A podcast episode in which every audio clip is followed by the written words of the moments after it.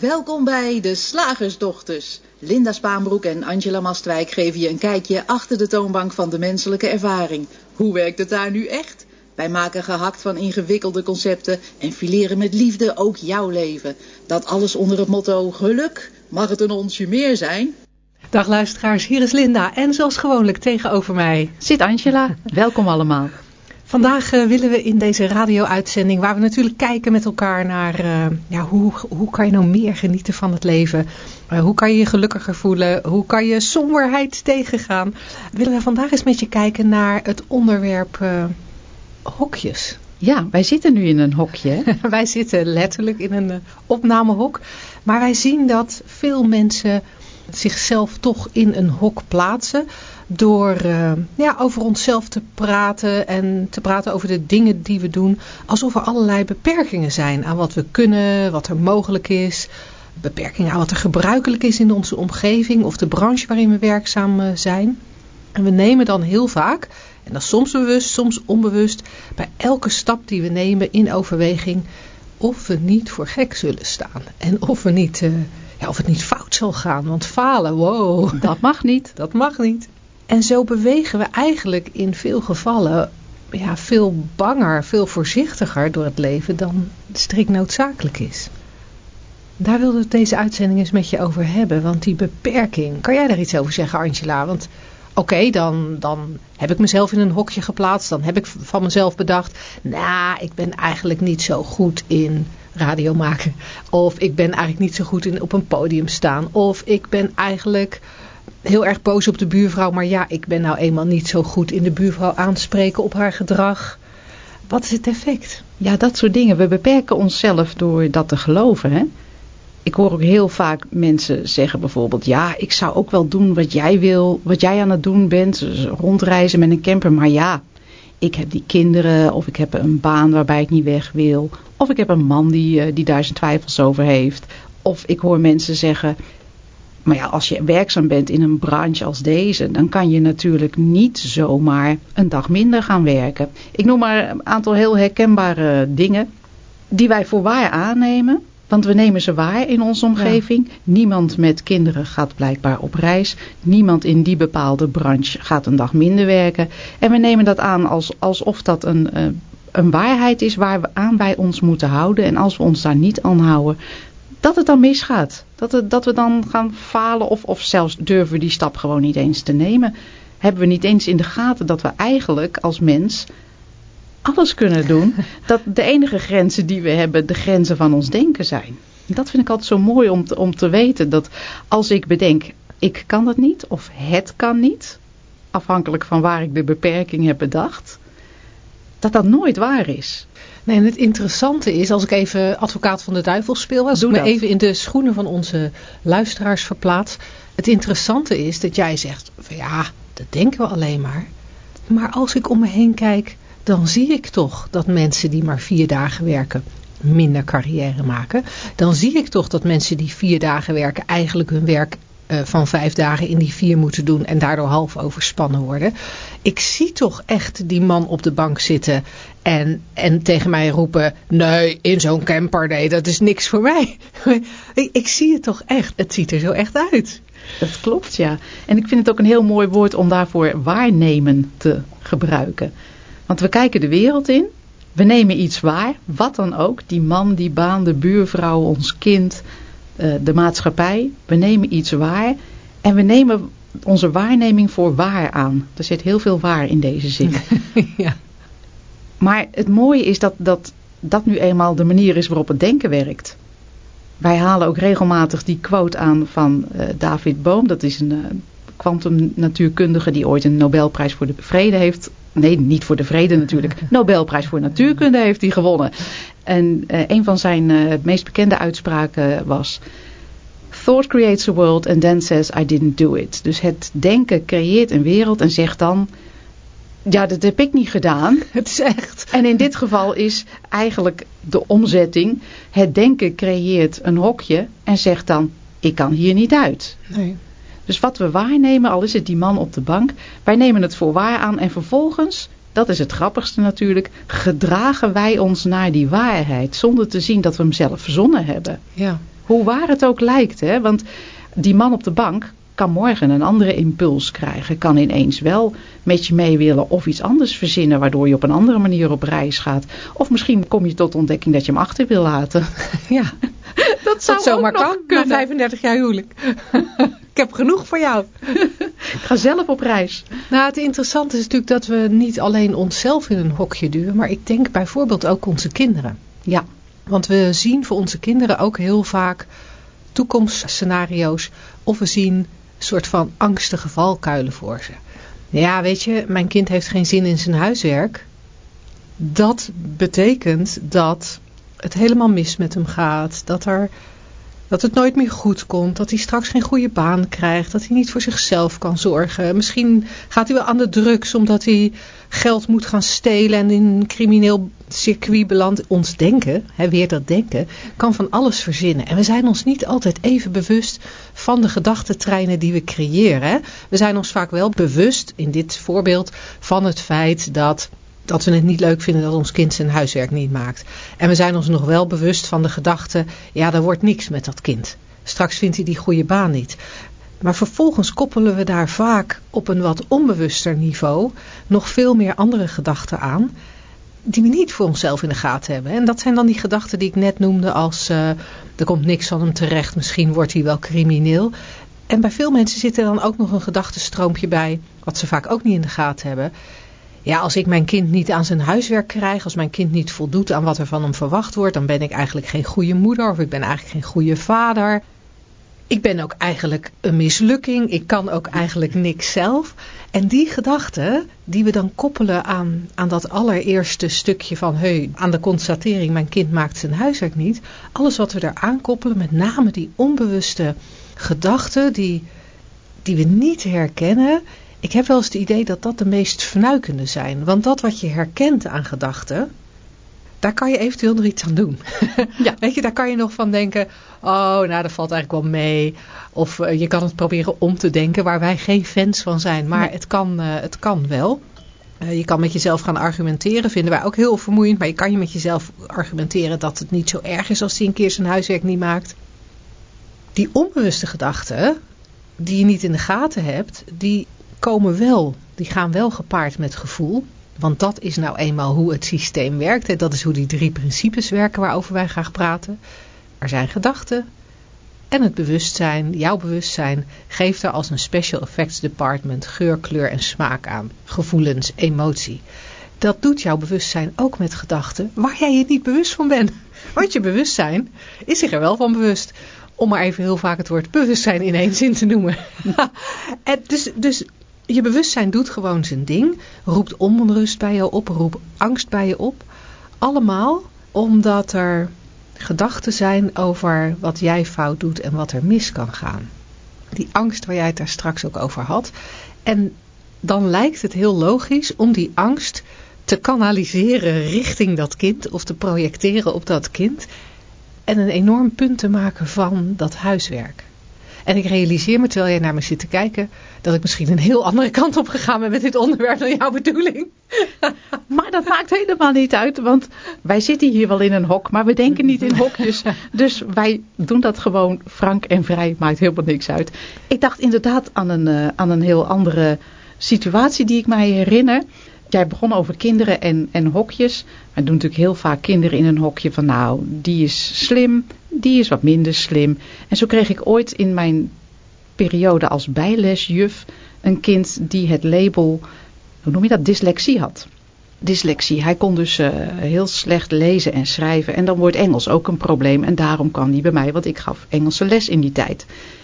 En het was fascinerend om te horen hoe dit kind, hij was 17, zichzelf in het hok dyslexie had gestopt. Er zaten hele dikke muren omheen. En dat was de beperking van, van zijn, zijn leven. Want hij kon, ja, ik ben dyslectisch, dus ik kan geen Engels. Dus ik kan geen baan waarbij je veel moet lezen. Dus ik kan. En bij de kennismaking, dat was echt heel grappig, gingen we in gesprek over dat Engels. En hij zei, ja, na elke opmerking die ik maakte, zei hij, maar ja, ik ben dyslectisch. Maar ja, ik ben dyslectisch. Maar ja, ik ben dyslectisch. En ik vond het echt fenomenaal om te zien hoe zo'n jong kind zich al in zo'n hokje had laten duwen en, en daar helemaal in geloofde. En, en dat als feit aannam. En het lijkt ook echt een feit. Hij kon ook niet echt goed lezen en schrijven. Had nog nooit een voldoende gehaald voor zijn Engels. En op een gegeven moment, nadat hij dat zo'n vijf keer had herhaald, zei ik, weet je Dievert, ik doe hier niet aan dyslexie. Echt, dat bestaat hier in huis niet, sorry. Zullen we iets leuks gaan doen? En vervolgens hebben we heel veel liedjes gezongen en heel veel heb ik hem voorgelezen. En heel af en toe kwam er nog even uit dat dyslexiehokje. Ja, maar op mijn examen moet ik het wel zelf lezen. En zei ik, ah nee, dan hoor je mij wel joh. En, en we gingen alleen maar leuke dingen doen en we hebben vreselijk gelachen. En ja, langzamerhand door een soort ritme te, te, aan te voelen in die, in die voor hem vreemde taal kreeg hij het een soort onder de knie. En de uitslag van zijn examen Engels was exact het gemiddelde van het landelijke cijfer. Nou, dat was natuurlijk geniaal. En dat is een heel klein voorbeeldje van wat in Nederland een heel groot probleem lijkt, dyslexie. Waar heel veel kinderen in zitten als hokje, waar heel veel ouders naar kijken, doorheen kijken van, oh nou ja, ja, maar hij is dyslectisch, dus. En vervolgens denken dat er dat, dat beperkingen oplevert. Al kan het best zo zijn dat je in de praktijk niet zo goed kan lezen en schrijven. Maar we, we ontkennen vaak ons oneindige potentieel als mens. We nemen maar aan dat we beperkt zijn. Ik hoorde gisteren ook iemand over zichzelf zeggen, maar ja, ik ben introvert en ik ben ook nog, ik weet niet wat het andere label was. Hooggevoelig waarschijnlijk. Hooggevoelig en perfectionistisch. Vaak samen, ja. Dus, en dat had allerlei implicaties. Dus ik ga nooit dat doen of dus ik zal nooit pret hebben op uh, een feestje waar veel mensen zijn, waar de opstelling van de drankjes niet perfect is, ik noem maar wat. Hè? Er zijn zoveel aannames die uitgingen van een van zichzelf ja, bedachte term. Hè? Je, je wil misschien een keer iets perfectionistisch doen. Dat wil je misschien nog een keer. En vervolgens constateer je, ik ben perfectionistisch. En ga je daar de rest van je leven door dat label heen de wereld in kijken. En dat vind ik gewoon een beetje zonde. Vandaar dat eigenlijk ook de titel van deze aflevering is Kom eens uit je hok. Kom eens uit je hok. Ja, en, en als ik zo naar je luister denk ik van er zijn eigenlijk heel veel verschillende hokken. Hè? Want er zijn de hokken van de labels. Zoals jij noemde er al een paar. Perfectionistisch, hooggevoelig, dyslexie, hoogbegaafd. En en alles wat we aan die labels ophangen, al het gedrag waarvan wij vinden dat het hoort bij die labels, alles waarvan we vinden dat we het wel of niet kunnen. Bijvoorbeeld van hoogbegaafden, daar heb ik vrij veel mee te maken gehad. Daar, daar wordt dan van gezegd, ja die kunnen niet uh, over koetjes en kalfjes praten. Heb ik ook lang gedacht. Maar als je dat idee een beetje loslaat, blijk ik ook heel erg goed slap te kunnen lullen. dus die labels beperken je heel erg. En er zijn denk ik ook nog hokjes die net even op een ander vlak zitten dan die labels vermoed ik. Daar zit ik nou heel even, heel even over na te denken. Of, of je dat ook niet een label zou kunnen noemen. Uh, het hokje van, van, ja, op mijn leeftijd. Ja. Doe je X, Y, Z niet. In je hok. In deze maatschappij is het nu eenmaal niet mogelijk. In je hok. Ja.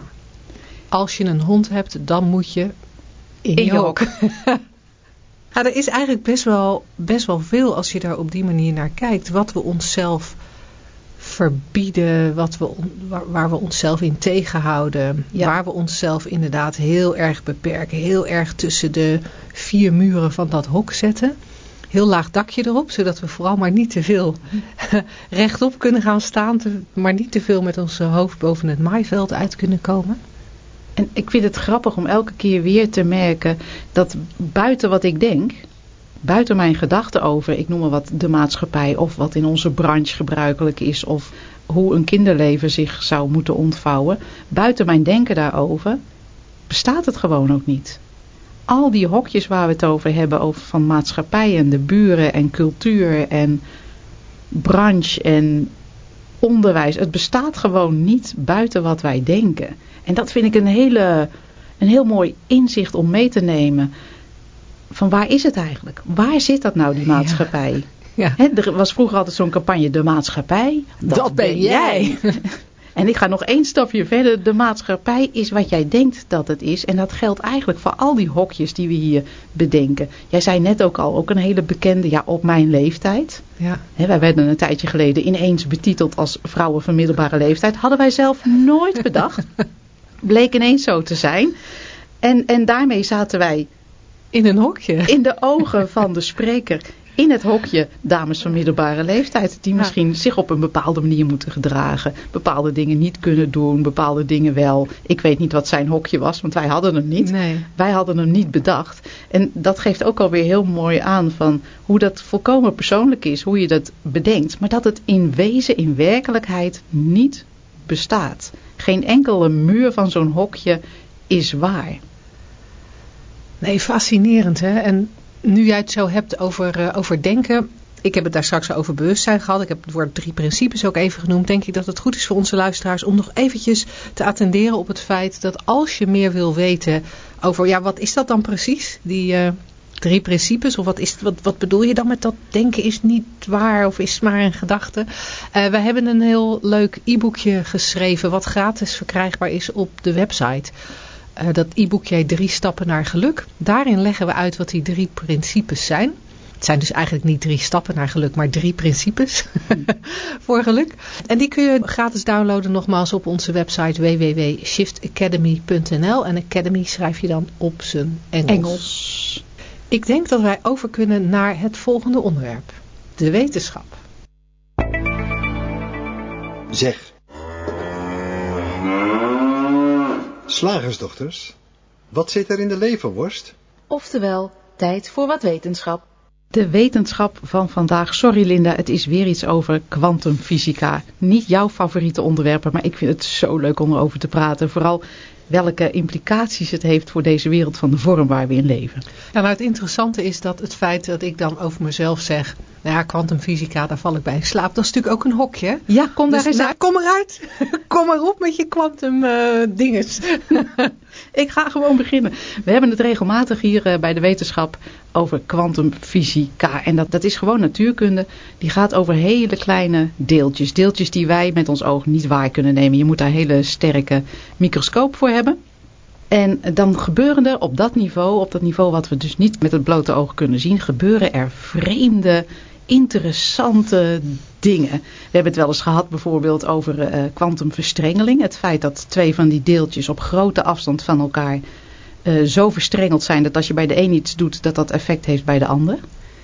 We hebben het ook wel eens gehad over het feit dat één deeltje op twee plaatsen tegelijk kan zijn. Nou ja, daar, daar kunnen wij met ons verstand al, al niet bij. Echt, niet. Hetzelfde deeltje kan op twee plekken tegelijk zijn. We hebben het ook wel eens gehad over het uh, deeltje, golf-deeltje principe. Dat, uh, dat legt uit dat als er geen waarnemer is, dan bestaat zo'n deeltje niet. Dan bestaan er alleen mogelijkheden. Dan zijn het golfjes. Ja. Maar is er een waarnemer in menselijke vorm of in de vorm van een camera die, waarvan de opnames later worden bekeken door een mens. Dan, dan stort die golffunctie ineen en worden al die mogelijkheden die er zijn teruggebracht tot een deeltje. Dat is echt heel raar. En er wordt ook vaak gezegd over kwantumfysica van nou, als je er niet helemaal door in de war raakt, dan begrijp je het niet. Dat zeggen wij ook wel eens van de drie principes. Hè? Als, je, als, je niet, als het dit niet je leven op zijn kop zet, dan valt er nog iets te begrijpen. En dan valt er Ja. nog iets te zien. Dus dat is ook een, een leuke parallel met waar wij het over hebben. Nou, er is weer een ontdekking gedaan in die kwantumfysica, in, dat, uh, in die wereld van de hele kleine deeltjes die wij niet kunnen zien. Die ontdekking is gedaan door natuurkundigen van de Cornell Universiteit. En die hebben bewezen dat atomen niet bewegen als er iemand naar ze kijkt. Dus eigenlijk heeft dat ook een relatie met dat uh, golfdeeltje Ja. um, Dus dat- principe. Oké. Ik heb gelijk allerlei vragen, maar ik hou ze even voor me. Uh, ik hoop dat ik antwoorden heb, maar dit is een vrij beperkt artikel wat ik heb gelezen. Um, het Zeno-effect dus, het zal wel Zeno zijn in het Engels, maar atomen die houden dus op met bewegen zodra er iemand naar ze kijkt. En dat is toch wel heel raar wetend dat bijvoorbeeld de tafel waaraan wij zitten ook uit atomen bestaat. Ja, want daarom, dat, dat was dus ook wat ik bedacht. Kijk. Als er dus niemand naar deze tafel kijkt, dan beweegt die. Ja, De, in ieder geval alle atomen daarin. ja bestaat die tafel dan ja. wel als wij hem niet zien? Is die dan wel vaste stof? Dus zodra wij deze, met z'n allen deze studio verlaten, Ja, en niemand is er meer. Het is avonds, het is donker, alle lichten zijn uit. bizar. Ja. Nou ja, dit effect, dat wordt wel een van, van de meest vreemde effecten genoemd uit de kwantumtheorie. er zijn dus experimenten uitgevoerd door die natuurkundigen. En waardoor het wel bevestigd is dat het dat effect daadwerkelijk bestaat. Nou, wat hebben ze gedaan? Ja, ja oh, nee, nee want ik wilde net zeggen van, maar hoe kunnen ze dat dan constateren? Want zodra ze er naar kijken, stopt het deeltje. Maar ja, dat nou, ga jij nu uitleggen. Dat ga ik nu uitleggen. En het is heel ingewikkeld. Maar in ieder geval een, een, een aantal professoren en, uh, en studenten, die hebben dus rubidiumatomen genomen. Ik heb geen idee wat het is, maar dat is een of ander stofje. En daar, dat hebben ze zo koud gemaakt. Zo koud dat het net boven het absolute nulpunt is. Ik geloof dat dat is min 246 graden of zo, als ik me goed herinner. En die hebben ze opgehangen, dat stofje, dat atoompje, tussen laserstralen. En toen ontdekte dat team dus iets zeer opmerkelijks. Die atomen die bewogen niet zolang er naar gekeken werd, op welke manier dan ook. Maar hoe vaker dus het team die laser gebruikte om, om de bewegingen te detecteren, hoe minder beweging ze zagen. Dus hoe vaker ze ernaar keken, hoe minder beweging. En ik vind dat ook een beetje uh, een relatie hebben met waar wij het net over hadden. Hoe vaker je vaststelt, nee, maar ik ben nu eenmaal zo. Hoe minder beweging er lijkt te zitten in jouw zogenaamde karaktereigenschap. Vind ik eigenlijk een hele leuke relatie. Ik weet niet of gedachten ook uh, atomen hebben. Denk het niet. Maar het is namelijk geen, uh, nog geen vorm. Maar toch wel een hele leuke relatie daarmee. Nou, wanneer begonnen die atomen nu wel te bewegen? Dat, al, dat gebeurde wanneer die uh, onderzoekers dus die lasersterkte een beetje terugbrachten. Of, het of hem helemaal uitzetten. Dan organiseerden die atomen zichzelf heel makkelijk, heel, heel vanzelf in een soort patroon.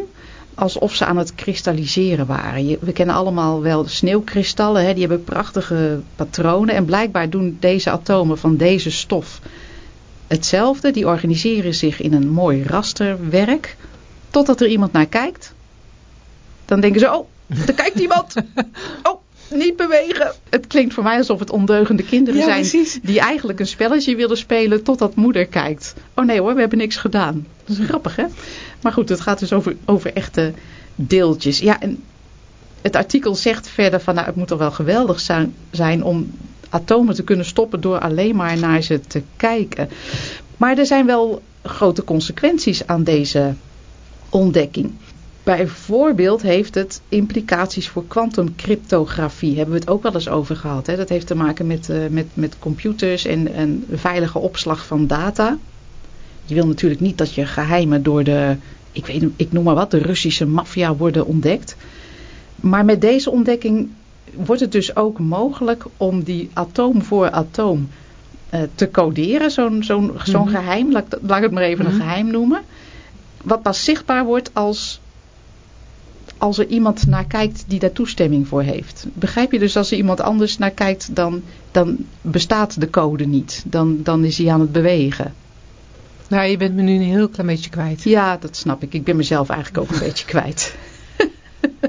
nou ja, blijkbaar uh, opent dit ook weer allerlei deuren naar een fundamenteel nieuwe methode om kwantumstaten te manipuleren van atomen. Kwantumstaten, de, de, waar zij zich in mhm. bevinden, die atomen. En nieuwe, de bouw van nieuwe sensoren. Kortom, het, uh, het schijnt uh, vrij revolutionair te zijn, dit Zeno-effect. En luisteraars die uh, meer verstand hebben van natuurkunde en meer interesse dan wij... kunnen dat misschien een keertje opzoeken, maar het heeft allerlei implicaties. Ik vind het wel heel grappig dat dat is op het, op het kleinste niveau van deze wereld van de vorm, dat mhm. daar zulke waanzinnige dingen gebeuren die in geen enkel hokje passen. Ja, waar we ons niet van bewust zijn. Nee. En, en die we eigenlijk ook niet kunnen bevatten. Nee. En dat vind ik een hele interessante. En zeker ook in het kader van die drie principes waaruit wij uh, praten.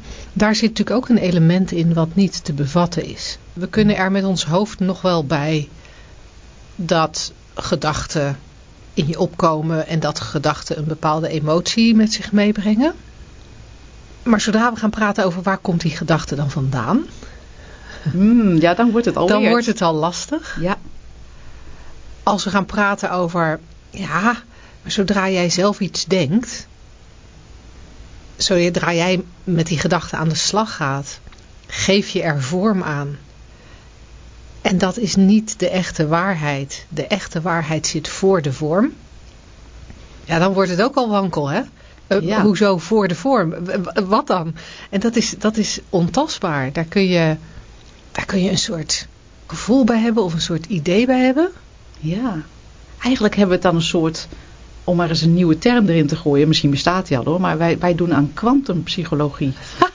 Dat is eigenlijk wel een leuke. Kwantumpsychologie. We gaan zo ver terug naar eigenlijk naar, naar de staat die er is voor gedachten vorm krijgen waar rare dingen gebeuren. Ja.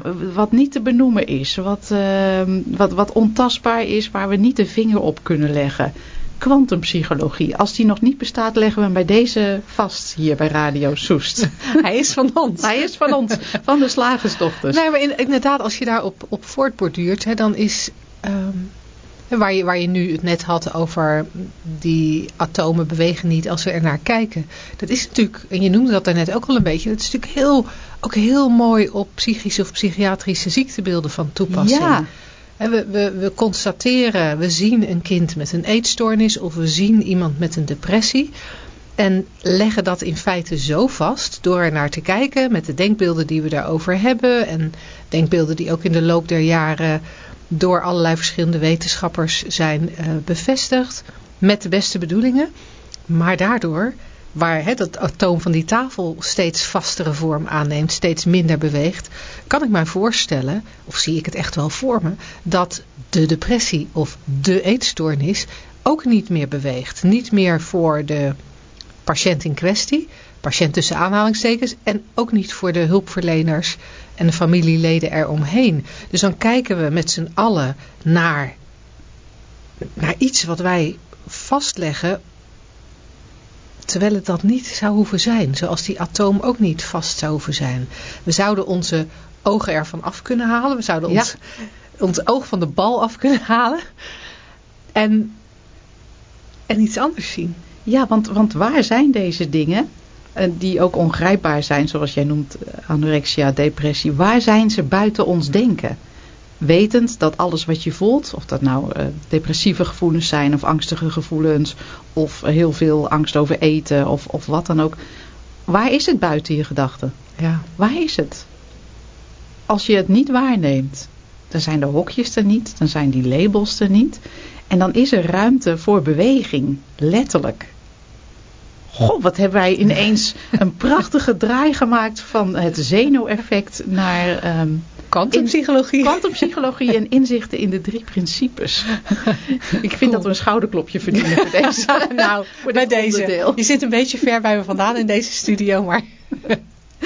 Ik denk dat we dan naadloos over kunnen naar de luisteraarsvraag. Zeg, slagersdochters, hoe bak ik die vegaburger? over naar de luisteraarsvraag. Angela, je hebt hem volgens mij eh, in beeld, de luisteraarsvraag. Dat zal ik hem er even bij pakken? Nou, de vraag is van Mirjam. Ik heb hem hier voor me.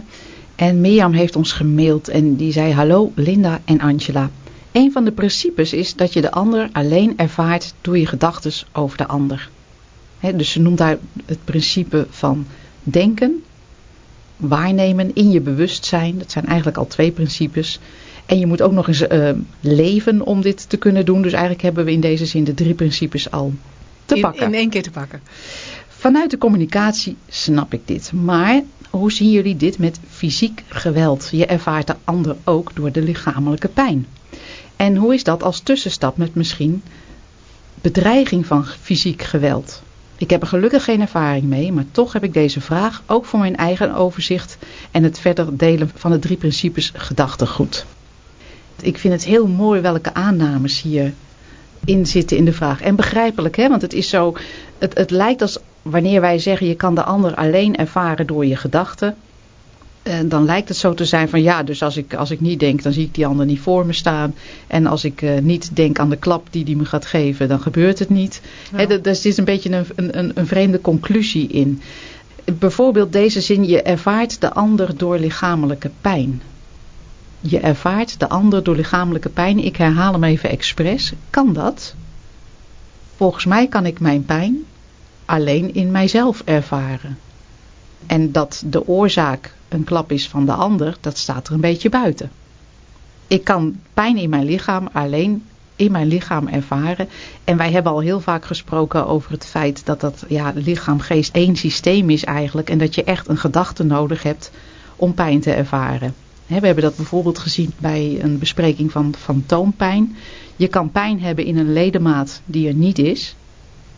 Alleen maar door, ja, doordat je, je, je hersens iets vreemds doen en bedenken dat het er nog wel is en dat daar pijn is. Ja. Dus dat, dat geeft al aan dat pijn is echt een heel persoonlijke beleving. En je hebt er de tussenkomst van een gedachte en het bewustzijn voor nodig. Als je buiten bewustzijn bent, heb je bijvoorbeeld geen pijn. Want anders zou je niet geopereerd kunnen worden onder narcose. Ja. Ik vind het heel fijn dat die mogelijkheid er is. Ja. Dus je kan niet de ander door lichamelijke pijn ervaren. Je ervaart altijd alleen je eigen pijn. Die is heel subjectief. Hè? Waar de een een, een klein duwtje geeft en gillend onderuit gaat, krijgt de ander datzelfde duwtje en, en merkt er nauwelijks iets van. Dus dat is sowieso altijd je eigen beleving. Nou kan je natuurlijk zeggen, ja maar hij slaat mij. Laten we even van dat scenario uitgaan. Alsof dat een voor de hand liggend scenario is. Ik besef ineens dat ik in een hokje denk. Dat is ook wel grappig. Hij slaat mij dus, dus ik ervaar hem. Dat kan niet in onze beleving. Nee, dat is waar. dat dat niet kan in onze beleving. Ik wilde heel even een zijsportje nemen. Als het regent en ik ga naar buiten Ja. en ik heb geen paraplu bij me, dan word ik nat. Ja, zeker weten. Dan, dan vind ik het zelf vrij lastig om dan te zeggen, ja, ik ervaar niet de regen. Ik ervaar mijn gedachten over de regen als het gaat om het feit dat ik nat word. Ik, ik, ben, dan, ik ben dan fysiek nat. Ja. En kijk je er heel erg kwantumpsychologisch naar, dan snap ik wel dat ik het nat zijn alleen maar kan ervaren doordat ik erover denk. Doordat Ja. ik bewustzijn heb en erover nadenk. Maar als we even niet zo heel diep gaan en we blijven gewoon even bij, oké, als ik in de regen loop, dan word ik nat. Ja. Als ik een klap van iemand krijg, dan doet dat pijn. Ja. Als we dat even als aanname nemen. Wetende dat er een diepere laag is, maar die laten we even liggen. Voor het gemak. Want we kijken even op het niveau van hoe schil ik hier de aardappels mee. Als ik in de regen loop, word ik nat. En dan gebeurt er iets. Dan vind ik daar iets van. Ja. Ik vind dat koud. Ik vind dat lekker. Zomers kan het heel lekker zijn. Om eh, te dansen in de regen. in je bikini. Of in je blootje. Ik kan mezelf bedenken. Jeetje, nou regent het. En ik was net van plan een grote wandeling te gaan maken. Dat komt mij slecht uit. Je kan denken. Goh, het regent. Ik was net van plan een lange wandeling te gaan maken. Ik neem mijn paraplu mee. Wat er gebeurt na de constatering het regent, dat is helemaal aan jou. Ik denk dat iedereen daarvan kan zien dat dat 100% je eigen denken is. En de emoties die jij daar eventueel bij hebt. Als je dat vertaalt naar fysiek geweld, dan is wat mij betreft daar precies hetzelfde. Ja. Iemand geeft een klap. Die klap, laten we even zeggen, die is er. Zoals de regen er is. En hoe je daarmee omgaat, de gedachten die je daarover hebt, die zijn helemaal per individu verschillend. Ja. Ik weet dat er uh, situaties zijn waarin mensen het prettig vinden om geslagen te worden. Ja. Er zijn ook veel situaties waarin mensen dat niet prettig vinden. Ik weet van mensen die mishandeld worden dat daar iets kan ontstaan waardoor, laten we weer even zeggen, hij haar een klap geeft en zij gedachten krijgt als ik heb het weer niet goed gedaan. Ik moet meer van hem houden. Iemand anders die een klap van haar partner krijgt, denkt misschien wel, is hij nou helemaal van de pot gerukt? ik wil hem nooit meer zien. Ik stomp hem terug. Dat kan of ook. je denkt, ik stomp hem terug. Dus, dus daar, zeg maar, even, even we hebben een soort van het, uh, het feit en een paar weken geleden hebben we in, uh, in onze radio-uitzending, die we niet voor Radio Soes maken, maar die wel op de podcast uh, via iTunes te vinden is, hebben we het daar ook een keer over gehad. Hè? Dat je, ja, je, je kan een feit constateren en hier in de voorbeelden die ik nu net noem, is het feit, het regent, het feit is, ik krijg een klap. Maar alles wat daarna volgt, is je eigen denken. En vanuit dat denken staat het je volledig vrij om te handelen zoals jij dat graag wilt. En als we kijken naar die regen, dan zien we die flexibiliteit ook. En dan geven we mensen ook de ruimte om te mopperen over de regen. Om te dansen in de regen. Of juist een paraplu op te steken. Om in de auto te stappen of juist met de fiets te gaan. Weet je, als het regent en iemand heeft een mening over wel of niet nat worden. Dan laten we dat gaan. Ja. Als het gaat om fysiek geweld. Dan lijkt het wel, met name als we kijken in, in deze richting en als wij praten met mensen over de drie principes, alsof daar een soort uitzondering is. Ja. Dan, dan vinden we het, het krijgen van een klap, dat zien we dan ineens iets heel anders als, als de regen. Ja. Terwijl het in beide gevallen iets is wat van buiten komt, en waar jij als mens iets van vindt. En waar jij in alle vrijheid mee mag doen wat je wil. Ja. En dat geldt natuurlijk hetzelfde voor hè, dat tweede stukje van Mirjams vraag. Waarin ze zei van als er fysiek geweld dreigt. Precies hetzelfde. Als er een regenbui dreigt. Gisteren ging ik naar, naar ons kantoor in Beerstaten. En waren ontzettend donkere wolken. En ik was op de fiets met mijn hondje bij me. En dan is het best wel een, een stukje om zo over de eng naar, naar kantoor uh, te gaan. Ik zag hele dreigende wolken. En ik heb op dat moment uh, niks anders gedaan dan op mijn fiets stappen. Op een ander moment zou ik gedacht hebben, wow, dreigende wolken. Ik moet mijn regenpak meenemen of ik moet een paraplu meenemen. Of wat er dan ook in mij opkomt. Dus die dreiging van regen, nou ja, de ene keer reageer ik zus en de andere keer reageer ik zo. En de dreiging van geweld is eigenlijk precies hetzelfde. Soms, soms zie je een situatie, die situatie geeft je een naar gevoel omdat je er gedachten over hebt en je besluit om om te lopen. Ja. Of om weg te gaan. En een andere keer loop je er dwars doorheen. Ja, ik vind dat je dat heel, die vergelijking is zo helder van, van die regen en die, en die klap. Dat vind ik echt heel mooi uitgelegd. En wat ik ook een beetje proef uit deze vraag, en het is misschien niet wat Mirjam bedoelde, maar het is ook wel vaak wat we van andere mensen terug horen die beginnen te luisteren naar onze podcast of anderszins met ons in contact komen. Uh, dan, dan is er een soort realisatie, oh het is alleen maar mijn gedachten. En vervolgens wordt er dan een conclusie getrokken, een conclusie die wij niet ondersteunen. Van oh dus dan, ja, nou ja, dan, dan moet ik maar hier blijven zitten, want het zijn toch maar mijn gedachten. Het zijn toch maar mijn gedachten, dus ik hoef niks te doen. Uh, er is niks aan de hand. Nee, wij, wij zeggen juist, het zijn, jouw beleving is 100% je gedachten in elk moment. En je bent dus helemaal vrij om te denken wat je wil, maar ook om te doen wat je wil. Om weg te bewegen, om de paraplu op te steken. En dat vind ik een hele mooie voorbeeld in, die jij uh, nu genoemd hebt. Ja, prachtig. Heel dank duidelijk. Je, dank je. Ja. En wat ik, er, wat ik er nog even wilde, aan wilde toevoegen naar aanleiding van wat jij net zei. Want wat ik weer mooi vond in jouw woorden. Het is een beetje de Mutual Admiration Society nou, op het nou. moment. Wat ik mooi vond, is dat jij wijst naar die vrijheid. En dat is wat de drie principes heel erg voor je in de aanbieding hebben. Deze radio-uitzending heet Geluk in de aanbieding. We zouden net zo goed kunnen zeggen vrijheid in de aanbieding. Ja. Want op het moment dat je, dat je dat herkent, dat het altijd je eigen gedachten zijn die maken dat jij A vindt of B vindt. Als je dat meer en meer gaat zien, lijkt er, dat is in ieder geval onze ervaring, een veel grotere vrijheid in handelen te ontstaan. De hokjes vallen weg. De hokjes vallen weg. Ja, wat een mooi, wat een weet jij het weer mooi terug te brengen naar het onderwerp van vandaag.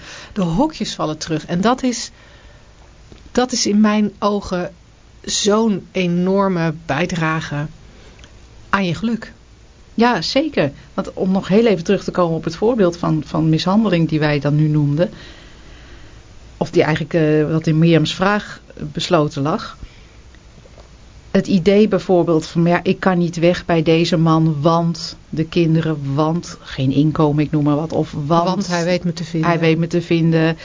Uh, al dat soort hokjes, als je die ziet voor wat ze zijn, een gedachte in dit moment, maar niet de waarheid, alleen maar door jouw bedachte beperkingen waar je niet naar hoeft te luisteren, ook al komen ze ongetwijfeld even op. Het zijn alleen gedachten. Dan denk ik, ja, dat is natuurlijk heel mooi om dat te doorzien en daarmee in vrijheid te kunnen bewegen. Dus wij hopen dat Mirjam hier iets aan heeft. En uh, ik vind het wel heel leuk om te horen dat zij ook de drie principes verder wilt delen. Dus vooral blijven luisteren en kom een keertje gewoon, uh, gewoon langs bij ja, ons, ja, zeggen, en, ja, superleuk. En ik, en ik begreep ook dat ze het, het boek Het Mag Ook Makkelijk heeft uh, gekocht. Dat klopt. Dus helemaal cool. Tot zover Mirjams vraag. Wij gaan over naar ons volgende onderdeel, ons laatste onderdeel alweer. Dat gaat snel. Woensdag, gehaktdag. Zeg slagersdochters, welk concept gaat er vandaag door de molen? Angela, het concept van vandaag. Het concept wat vandaag in onze slagersdochters gehaktmolen gaat, dat is iets wat heel erg bij jouw vorige werk past. Oh ja, vertel, vertel. Het concept is namelijk zonder focus geen succes. Oh, wauw. ja, dat is uh, wat ik in mijn vorige leven of mijn vorige carrière als uh, marketing- en ondernemerscoach natuurlijk veel, veel heb gehoord. En heel eerlijk gezegd ook een hele tijd zelf heb geloofd. Ja. Het is ook iets wat je met name als je wat ondernemender bent en je, en je succes zegt je iets. Hè. Succes is iets wat je belangrijk vindt. Je gaat je een beetje verdiepen in wat zijn nou successtrategieën. Dan kom je daar snel op. Hè, dan kom je bijvoorbeeld op de, de, de Seven Habits of Highly Effective People. Um, ik weet niet meer hoe die man heet. Die dat, uh, Covey. oh, Covey. Stephen Covey. En, en daarin is focus en je concentreren op dat wat belangrijk is, is een heel belangrijk onderdeel. Ja. Dus focus lijkt heel erg belangrijk om succes te hebben. Ik vind het interessant om, als we dit concept willen vermalen, om ook even de begrippen focus en de begrippen succes ja. door de mangel te halen. Wat is het? Want als we even achteraan beginnen bij succes. Ja. Succes is ook maar weer wat je ervan maakt. Wat is het hokje waarbinnen jij succes definieert? Precies. Ik weet dat er mensen zijn die vinden het uh, heel succesvol als je veel geld verdient. Ja. Ik weet dat er andere mensen zijn die het vooral succesvol vinden als je kinderen er in designerkleding bijlopen en jij een auto van een bepaald merk op de oprit hebt staan in een, een, een beetje dorp met aanzien. Nou, wij hier in het Gooi weten dan natuurlijk onmiddellijk welke dorpen we het over hebben. Helaas niet over Soest. dat kan, dat kan zo'n zo'n hok zijn waarbinnen we succes uh, definiëren. In, in de omgeving waar ik vandaan kom, wordt succes dan ook vaak gecombineerd met geld. En veel mensen die jou volgen, die fan van jou zijn. Want uh, naamsbekendheid is dan ook een... Uh, dat is ook succesvol. Dat is ook succesvol. Je moet een boek op je naam hebben. Dat is ook succesvol. Check. check, check, check. En had ik al veel geld genoemd? Ja. Die had ik al genoemd. Dat was al dan, genoemd. Ik zat er namelijk over nog eentje te denken die daarbij hoort. Uh, geld, naamsbekendheid, veel mensen die je helpt. Nou, misschien zijn dat ze dan ook wel. Ja. Maar het was in ieder geval uit de wereld waar ik uitkwam. Oh ja, nee, ik weet hem alweer. Veel vakantie. Oh ja. Bij ja. succes in de wereld waar ik uitkom is het heel belangrijk om veel reizen te maken. Want, wordt er dan gezegd, op het moment dat je op reis bent, dan ervaar je de vrijheid, dan kun je genieten. En als ik met mijn gezin op reis ben, dan voel ik veel meer verbinding met mijn partner en met mijn kinderen dan wanneer ik thuis ben. Dus dat wordt onder succes geschaard. En elk van die dingen, elk van die dingen buiten ons, de auto, de vakantie, de vrije dagen, wordt gezien als iets waar we gelukkig van worden. Ja. Wat ons welzijn bepaalt. En ik denk altijd, ja, want wat, wat willen we nou eigenlijk als mensen? We willen eigenlijk gewoon een lekker gevoel hebben. We willen gelukkig zijn. Ja, en dat noemen we dan gelukkig zijn. Dat is op zich ook weer een beetje een concept natuurlijk. Ja. Want is gelukkig dan dat ik hyper de piep de hele dag uh, rondloop, uh, uh, bijna dansend over straat ga. Of is het een beetje tevreden zijn? Want dat is wat ik eigenlijk steeds Ja. meer ervaar. Gewoon dat, oké eh, zijn. Oké Gewoon zijn. lekker. In het Engels hebben ze daar een mooi woord voor. Contentment. Dat vind ik- Contentment, ja. Dat vind ik nou zo'n lekker woord. Dan, dan, dan ga ik al gelijk helemaal in de kussens hangen. Ja. Weet je, van die, van die fluffy kussens. Contentment. Met een kopje thee in mijn geval en een zonnetje erbij. Maar contentment, oké zijn, welzijn. Dat lijkt dan te zitten in, in iets daarbuiten. En succes noemen we dat dan. Daarvan zeggen wij al, Het klopt niet. bullshit. Je kan op vakantie zijn en je kan een rot humeur hebben. Je kinderen kunnen vervelend zijn en dan, dan voel je je op dat moment niet succesvol. Je kan 2 miljoen op de bank hebben, maar voortdurend bang zijn dat die bank failliet gaat, dat het misgaat in de branche waarin jij onderneemt of dat je anderszins je geld kwijtraakt. Dan voel jij je niet succesvol. Hoe je je voelt en of, dat nou, of je dat nou succesvol noemt of hoe dan ook, is volledig afhankelijk van wat je denkt in het moment. Ja, en, niet van iets van buiten je. Nee, en wat ik, dan, wat ik dan ook nog heel duidelijk zie is dat... Want jij geeft aan als ik op vakantie een rothumeur heb. Maar stel nou dat je op vakantie geen rothumeur hebt. Uh, dan is het op vakantie heel erg fijn. En dan ervaar je op vakantie inderdaad heel veel verbinding met je partner en je kinderen. En dan kun je geneigd zijn om te denken, ja zie je wel. Dat ligt aan de vakantie. Dat ligt aan de vakantie. Terwijl wij zeggen, nee maar kijk nou eens wat er gebeurt. Op vakantie heb je waarschijnlijk heel veel minder gedachten. Veel minder gedachten over wat er allemaal moet, wat er allemaal mis kan gaan. Um, whatever. En zodra je thuis bent, komen er weer allemaal gedachten over uh, bij je op. Gaan die gedachten hun emoties met zich meebrengen, waardoor jij een vol hoofd hebt. Dus wat wij eigenlijk zien, is het verschil tussen vakantie en thuis is niet de omstandigheden, maar is wat er in je hoofd gebeurt. En, en de mate waarin je het gelooft. Ja.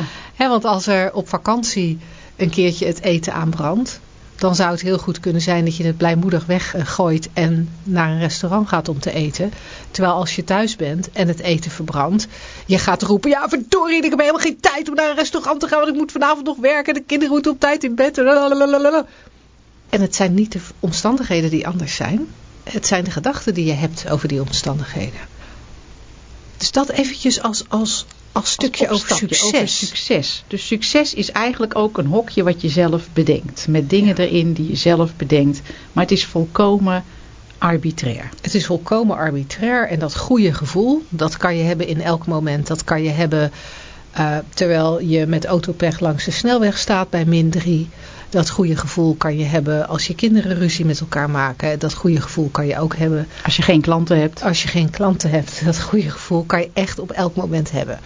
Dus daarmee succes eventjes ja. uh, door de gehaktmolen. molen. Dan nu de focus. De focus. Die oh. wij nodig hebben voor dat succes. Dus dan streven we naar iets wat, wat wat van zichzelf al onzin is? Wat van zichzelf al onzin is. Maar dan hebben we wel focus nodig om dat te bereiken. En, en focus is natuurlijk ook een heel belangrijk dingetje. Ik ga gelijk weer kijken naar die kinderen op school.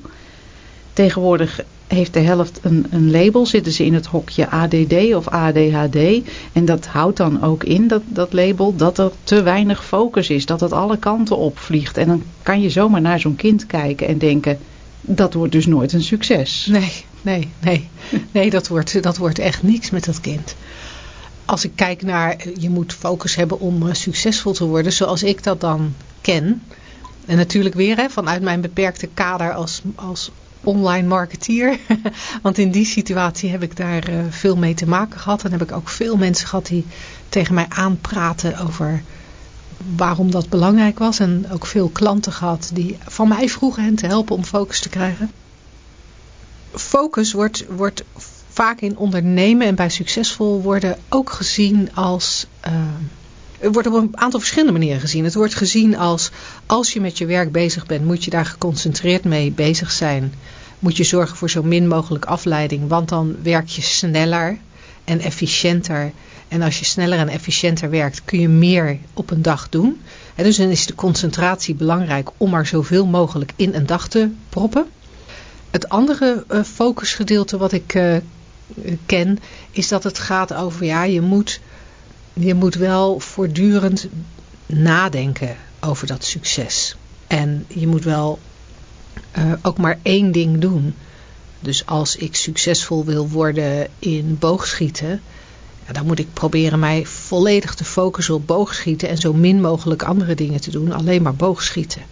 Als ik een bedrijf wil, dat um, ik wil een webshop beginnen, dan moet ik mij 100% focussen op die webshop en niet nog andere dingen erbij doen. Binnen zo'n onderneming, als ik een webshop begin, moet ik mij wel focussen. En jij zit echt naar me te kijken. ik denk, je gelooft er geen fluit van. Op het moment dat ik een webshop uh, heb, dan moet ik mij wel focussen op een bepaald assortiment. Ik moet bijvoorbeeld alleen maar gitaren en gitaarspullen verkopen. Of ik moet alleen maar uh, handwerkdingen verkopen of nou, you name it. Terwijl ik die noem, denk ik al, nou daar ga je bol.com. Je bent dan wel succesvol. Maar totaal niet gefocust, want ze verkopen van alles. En toch blijven we, ondanks het feit dat ik nu zelfs ter plekke een voorbeeld kan noemen, blijven we geloven dat het nodig is. Dat je heel hard continu aan één ding moet denken. Je succes, hoe jij dat dan voor jezelf ook bedacht hebt, hoe het eruit ziet. Welk bedrag aan omzet daarbij hoort. Welke uh, hoeveelheid volgers daarbij hoort. Je moet daar constant aan blijven denken, want anders wordt het niks. En ik vind, dat, ik vind dat zo grappig, want als we zien hoe de mens zich natuurlijk beweegt, komt zij weer aan met de kinderen, maar als we kijken naar hoe een kind zich natuurlijk beweegt, een kind wat net gaat lopen en praten en een beetje in de zandbak spelen, daar hoef je echt niet tegen te zeggen, ga jij eens focussen nu op dat kasteel, want anders wordt het niks. Hè? Het komt niet af. Het komt niet af. Het ziet er niet uit. Uh, het heeft nog maar twee torens, dat wordt nooit wat. Ga eens focussen, schiet op. Um, Zo'n kind doet waar hij zin in heeft. Met een beetje mazzel krijgt het die gelegenheid ook om een beetje natuurlijk te bewegen in het, in het moment. En dat kan in elk moment natuurlijk ook wat anders zijn. En als er iets is wat zijn aandacht heeft, wat hij fijn vindt om te doen, ja, dan is er echt niks of niemand, en ook het kind zelf niet, nodig om, om te zeggen, je moet je wel focussen, je moet je wel focussen. Het is eigenlijk volgens mij iets, ik zou het niet eens focus noemen, iets wat natuurlijk komt. Je doet iets wat je, wat je prettig vindt. Je hele wezen richt zich daarop. Totdat het klaar is of niet klaar. Totdat er een ander idee opkomt. En dan doe je dat. Ik merk zelf wel als ik thuis kom van een wandeling bijvoorbeeld. In de camper. Dan heb ik ineens vijf blogideeën. En dan ga ik zitten achter mijn computer. En dan kan mijn partner zeggen wat hij wil. Ik hoor hem niet. ik hoor hem gewoon niet. En dan weet hij al van, oh, laat maar. Maar ik hoef mijzelf niet te vertellen. En nu ga je hierop focussen. Want je moet vijf blogs schrijven. Want je moet elke week drie produceren op jullie site. En als dat niet gebeurt, dan hebben we niet voldoende volgers. Het is gewoon iets wat heel natuurlijk komt. En daar zit een verschil in van, ja, je kan dat focus noemen. Voor mij hoeft het niet. Het, heeft geen enkel hokje nodig. Maar als de mens van nature beweegt en het leuk vindt om te spelen in de ondernemerswereld of, of waar dan ook waarom zou je dan ook nog zo'n opdracht erbij moeten hebben? Ik heb soms wel eens het idee dat die opdracht nodig is, omdat mensen eigenlijk streven naar iets wat niet per se bij hen past. Of wat oh. niet echt werkelijk, nou ja, hun, weet ik veel, ik weet niet hoe je dat noemen moet, maar laten we het even houden op wat niet werkelijk bij hen past of wat ze niet werkelijk willen. willen. Maar ze hebben op basis van de buitenwereld, de buitenwereld heeft hen verteld dat het moet, en dat het beter is, of ze hebben zichzelf, de buitenwereld heeft het ze misschien niet eens verteld, maar dat is wel wat je dan als persoon zelf oppikt uit de buitenwereld. Hè? Want het zijn natuurlijk altijd weer jouw gedachten over wat er om je heen gebeurt. Dus je hebt opgepikt uit de omgeving, hé, hey, dat is blijkbaar belangrijk. En ik denk dan vaak vanuit een soort onzekerheid. nou, niet een soort onzekerheid, onzekerheid. Het komt niet goed met mij of ik ben niet goed genoeg als ik niet. En dan schetsen we een plaatje voor onszelf. En dat moet dan gebeuren. En het plaatje dat we schetsen is net als de andere dingen waar we het vandaag in de, deze radio-uitzending over hebben gehad. Dat plaatje is nogal willekeurig. Ook dat is weer een hokje. een hokje waar je dan nog niet in zit, maar waar je jezelf heel graag in wil plaatsen. Maar eigenlijk is er niets in jou, geen enkele natuurlijke beweging daar naartoe. Nee. Maar je hebt het bedacht. Dus? Dus moet het. En dan moet je jezelf gaan dwingen. En dat is een hele lastige. Want op het moment dat je dingen moet doen. Omdat je bedacht hebt dat ze nodig zijn. Omdat je anders niet succesvol wordt. Omdat je anders niet gelukkig kan zijn. Bla bla bla bla bla bla bla. Dan ben je eigenlijk een stapje verwijderd van, van dat natuurlijke welzijn. En dat natuurlijke bewegen wat altijd in je zit. Is dat ook wat er op scholen gebeurt, in het onderwijs? In, in het, in, oh. laten we even ja, je weet dat het gevaarlijk is hè, om tegen mij over onderwijs te beginnen. Want dan gooi je er een kwartje in en dan krijg je echt voor, voor 350 euro aan informatie. We hebben nog maar twee minuten. We hebben nog dus- maar twee minuten, dus dat gaat, dat gaat hem niet worden. Laat ik het even kort houden, ja. Ja, dat gebeurt ook in het onderwijs. We, we krijgen de opdracht om te focussen op iets waar we op dat moment misschien geen zin in hebben. Of nog niet aan toe zijn. Of wat niet in ons systeem op dat moment uh, fijn is. En, en dan lijkt er een probleem te zijn als, er, als die opdracht niet, niet uitgevoerd wordt. Terwijl het enige probleem is dat het op dat moment niet past, nog niet past, geen, geen natuurlijke beweging is. Ik vind het ook wel heel fijn dat er nu scholen zijn die wel die gelegenheid geven aan kinderen om, ja, dat klinkt een beetje raar te doen waar ze zin in hebben, maar het komt het eigenlijk wel op neer om gewoon hun natuur te volgen. Want een kind is van nature nieuwsgierig en te gewoon te leren op eigen tempo, te onderzoeken, nieuwsgierig te zijn. En dan zie je ook vaak dat, dat kinderen die daar terechtkomen, Um, die voorheen, waarvan voorheen gezegd werd, nou, die kan zich niet concentreren. Dan opeens dingen ontdekken waar ze interesse in hebben. En daar dagen, weken, maanden mee bezig kunnen zijn. Dus ja. vind ik al een uh, heel grappig aspect om ook nog even te noemen. Maar zonder focus geen succes, is die vermaald? Nou, ik, ik denk van wel. Ik denk, ik van denk het ook. Zo niet, dan uh, horen wij dat heel graag van onze luisteraars. Je kunt altijd naar ons mailen voor vragen of voor opmerkingen, bijvoorbeeld over uh, dit concept, naar radio.shiftacademy.nl en dan gaan wij een volgende keer heel graag met je vraag aan de slag. En dan willen wij natuurlijk Lida van Steendelaar bedanken die vandaag de techniek voor ons deed. Linda, jij ook bedankt. Jij ook Angela. En tot de volgende keer. Tot dan.